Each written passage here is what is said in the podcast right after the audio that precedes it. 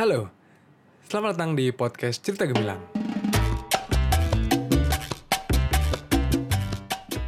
Ini adalah podcast episode keempat yang gue rekam di tanggal 17 April 2019 bertepatan dengan hari apa namanya hari pemilu. Jadi gue taping ini jam 3 sore, uh, persis satu jam setelah lu nggak bisa lagi nyoblos.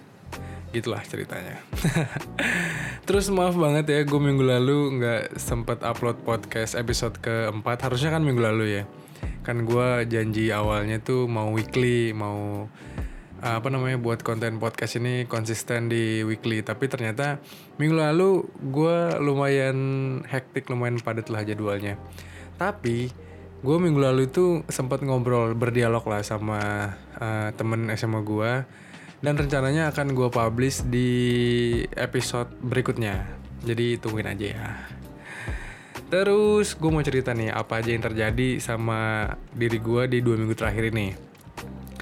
Yang pertama, ya kan hari ini pilpres ya, jadi grup keluarga udah mulai nggak terlalu rame lagi ngomong-ngomongin soal uh, hoax atau ujaran kebencian. Uh, thanks for that. Alhamdulillah akhirnya kita sampai di titik itu juga. Pasti banyak dari kalian yang nungguin kan momen-momen di mana masuk minggu apa namanya kampanye minggu tenang, terus uh, hari pencoblosan, terus nanti hasilnya juga kita tungguin bareng-bareng lah. Terus di awal April ini gue juga ikutan Kartini Run, jadi gue dapat medali kedua lari gue di tahun ini di kelas 10K. Alhamdulillah gue finishnya di 1 jam 14 menit kurang. Jadi walaupun gak break record gitu ya, walaupun gak break personal record gue, tapi ya lumayan lah gue dapat medali kedua gue di tahun ini. Yay. Hmm, apa lagi ya? Oh iya, minggu ini juga kemarin Game of Thrones season 8 uh, akhirnya rilis yeah, Winter is Coming. Terus beruntung banget buat orang-orang yang kayak gue yang kerjanya di agensi atau kalian kerja di tempat lain gitu tapi jam masuknya tuh jam 10 pagi. Jadi kalian punya waktu buat nonton dulu hari Senin jam 8 sampai jam 9 terus kalian berangkat kerja. Wah, mantap kan?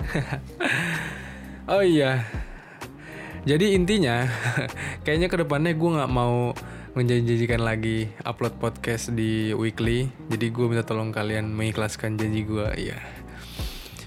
Terus apa ya? Gue nggak mau, gue nggak jadi deh. Rencananya kan tadi pengennya gue uploadnya itu monolog di uh, awal minggu, either Senin, Selasa, Rabu. Terus uh, weekendnya gue ngasih dialog kan ke kalian. Tapi kayaknya seminggu dua itu rasanya terlalu apa ya terlalu ya terlalu nggak nggak kemakan nanti sama kalian juga kebanyakan gitu kontennya. Jadi gue mending tahan-tahan dulu lah. Sampai sambil gue nemuin apa namanya sambil gue nemuin pola yang tepat buat upload ini. Oke okay, udah cukup lah gue ngobrol-ngobrol tentang diri gue di uh, minggu ke dua bulan April ini.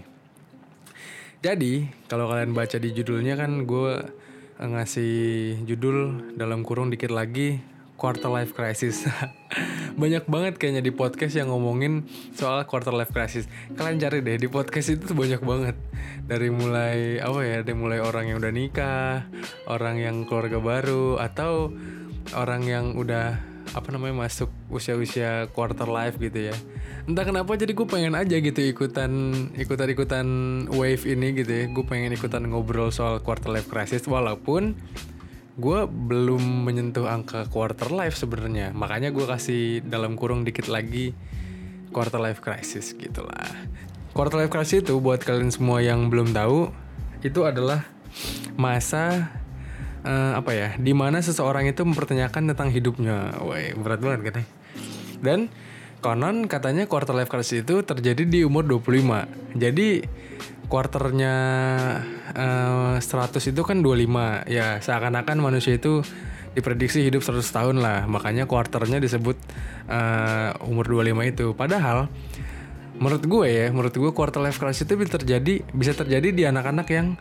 bahkan umurnya pun 20 uh, 2, 23 gitu. Yang udah beres kuliah terus mungkin kayak uh, teman-teman perempuan gue yang banyak habis kuliah itu bingung mau kerja apa mau uh, apa namanya mau nikah gitu ya. Nanti ikut suaminya terus ya udahlah dia ikut aja suaminya berbakti kepada suaminya. Ya menurut gue dia masuk di fase di mana quarter life crisis itu terjadi dalam hidupnya. Jadi menurut gue quarter life crisis itu nggak bisa disebut uh, umur 25 jadi ya bagi gue bahkan gue pun sekarang udah mulai mikir-mikir gitu. Gue mulai pertanyakan hidup gue itu mau dibawa ke mana sih? Gue uh, mau jadi apa sih ke depannya gitulah ceritanya. Itu sebagai prolog gitu ya. Terus ini ada yang menarik nih. Gue baca dari The Forbes gitu ya, gue baca dari portal. Gue nemu di Twitter sih sebenarnya link ini. Tiba-tiba ada yang like gitu siapa. Jadi pokoknya si Forbes ini tuh mengutip dari The Guardian. Katanya the quarter life crisis itu affect 80 6% of millennials. Jadi 86% of millennials itu terjangkit si quarter life crisis. Uh, ya ya entah kenapa bagi gue sih nggak milenial doang sih. Maksudnya anak-anak yang orang-orang yang pada masanya gitu, ya. misalnya bokap bokap nyokap kita, orang tua orang tua kita pada umur segitu juga mungkin dia merasakan quarter life crisis, tapi karena biar seru aja kali ya pakai keyword milenial jadi biar ada yang baca. Nah, jadi si kata tulisannya Forbes ini dia kan tadi ngutip dari Guardians. Jadi kayak lo itu dihantui sama perasaan-perasaan yang lo bingung nih sama diri lo mau dibawa ke mana. Tapi lo juga di satu sisi uh, insecure gitu. Lo takut mengecewakan orang. Nah lo juga merasa kesepian menghadapi dunia ini gitu ya. Lo bahkan bisa jadi depresi gitu menghadapi dunia ini menurut gue sebagai anak yang merantau dari SMA gitu ya gue kan SMA di Bandung kayak gue ceritain di episode pertama tuh prolog. Gue SMA ke Bandung dari Medan kuliah eh dari Medan kan pindah ke Bandung. Terus gue kuliah dari Bandung pindah lagi ke Tangerang. Sekarang dari Tangerang kemarin sempat pulang ke Bandung sebentar sih dua bulan. Terus gue sekarang pindah lagi ke Jakarta. Dan uh, quarter life crisis yang paling kerasa adalah saat gue pindah dari Bandung ke Jakarta ini bahkan di jalan pun gue merasa kayak ini tuh udah jalan yang gue ambil tuh bener gak sih? Gitu. Gue mau pindah lagi ke Jakarta gue kerja di Jakarta dengan gaji yang uh, segitu gitu ya dengan uh, pola kerja yang nantinya bakal belum tahu kayak gimana gitu. Saat itu ya belum tahu kayak gimana belum tahu ke depannya teman-temannya kayak apa belum tahu apa yang bakal gue hadapi di dunia kerja gitu. Jadi itu perasaan itu menghantui pikiran gue selama perjalanan. Jadi ya gue merasakan itu sebagai orang yang menghadapi quarter life crisis. Dan bahkan gue itu di perjalanan itu mikirin gitu bingung apakah gue sebenarnya itu harusnya kerja dulu atau kuliah dulu? Bahkan sampai sekarang sampai sekarang pun gue masih bingung nih. Dan kemarin gue ikutan simak UI kan gue cerita.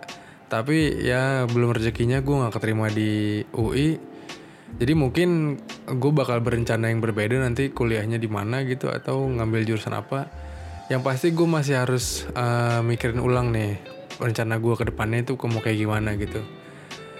Ya menurut gue itu adalah suatu hal yang menjadi uh, kebingungan gue gitu. Kerja dulu kah atau kuliah dulu kah segala macem lah.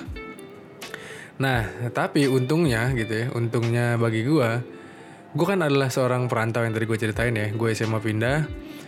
Bagi gue seorang perantau itu uh, dia punya keahlian khusus yaitu manajemen kehidupannya bisa lebih baik lah. Uh, uh, entah kenapa gitu ya gue merasa dibanding teman-teman gue gitu ya untuk masalah manajemen kehidupan manajemen diri dan manajemen uh, keuangan gitu ya gue merasa lebih punya ilmu yang beda dari kalian gitu.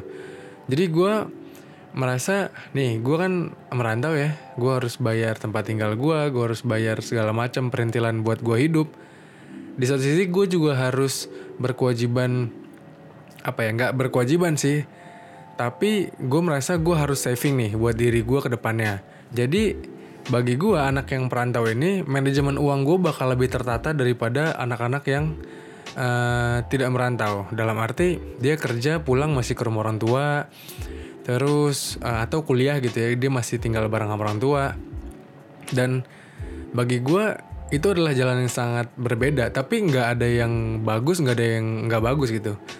Gue pun di titik ini gue merasa enak banget ya kalian-kalian yang tinggal bareng orang tua gitu ya. kerja capek pulang udah ada yang masakin terus nggak harus mikirin apa namanya uh, laundryan nggak harus mikirin pakaian kotor. Bahkan kalian kayak kalau sakit di rumah itu uh, ya orang rumah pasti masa sih nggak ada nggak ada yang peduli gitu? Pasti ada yang peduli lah sama kalian. Jadi bagi gue manajemen diri gue itu banyak belajar dari uh, perantauan gue ini. Dan itu sangat berdampak kepada quarter life crisis gue jadi gue bisa menentukan banyak hal dari pengalaman-pengalaman gue merantau nah jadi poin utama yang mau gue bahas di podcast kali ini tuh tentang lo tuh harus siap menghadapi quarter life crisis gitu ya. Walaupun gue gue juga ya gue udah mulai gue mulai goyang gitu ya. Gue mulai merasa gamang dengan diri gue mau dibawa ke mana gue kerja dulu kuliah dulu segala macem atau apa yang harus gue siapkan buat ke depannya.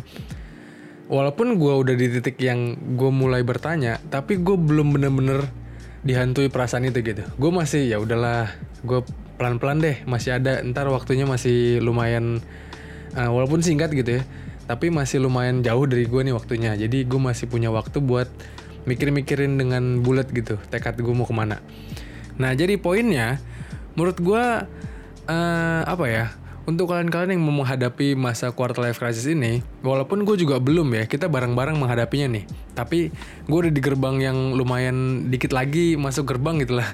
Kita tuh harus bener-bener mikirin ke depannya mau jadi apa sih dan jalan apa yang mau kita ambil gitu. Karena menurut gue uh, kalau jalan hidup itu agak susah buat ditarik mundur gitu. Jadi misalnya kalian udah nyemplung nih ke satu pekerjaan terus kalian tanda tangan kontrak nah agak susah tuh buat kalian mundur lagi.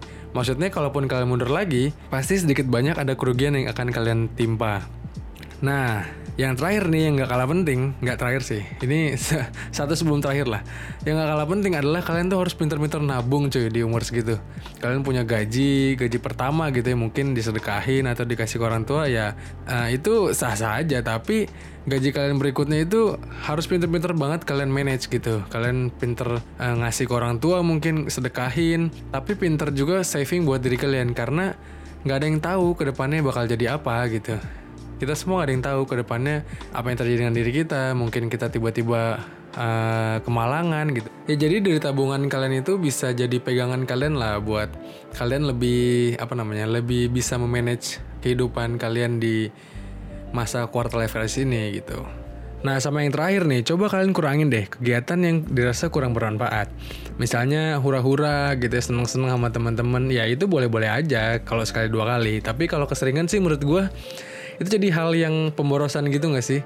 Kayak kalian mending uangnya disimpan buat yang lain terus energinya juga mending dialihkan ke yang lain. Misalnya olahraga terus olahraga yang cukup tidur yang cukup istirahat yang cukup. Jadi fisik kalian itu uh, at least di usia-usia tua nanti fisik kalian itu masih kuat lah gitu masih sehat.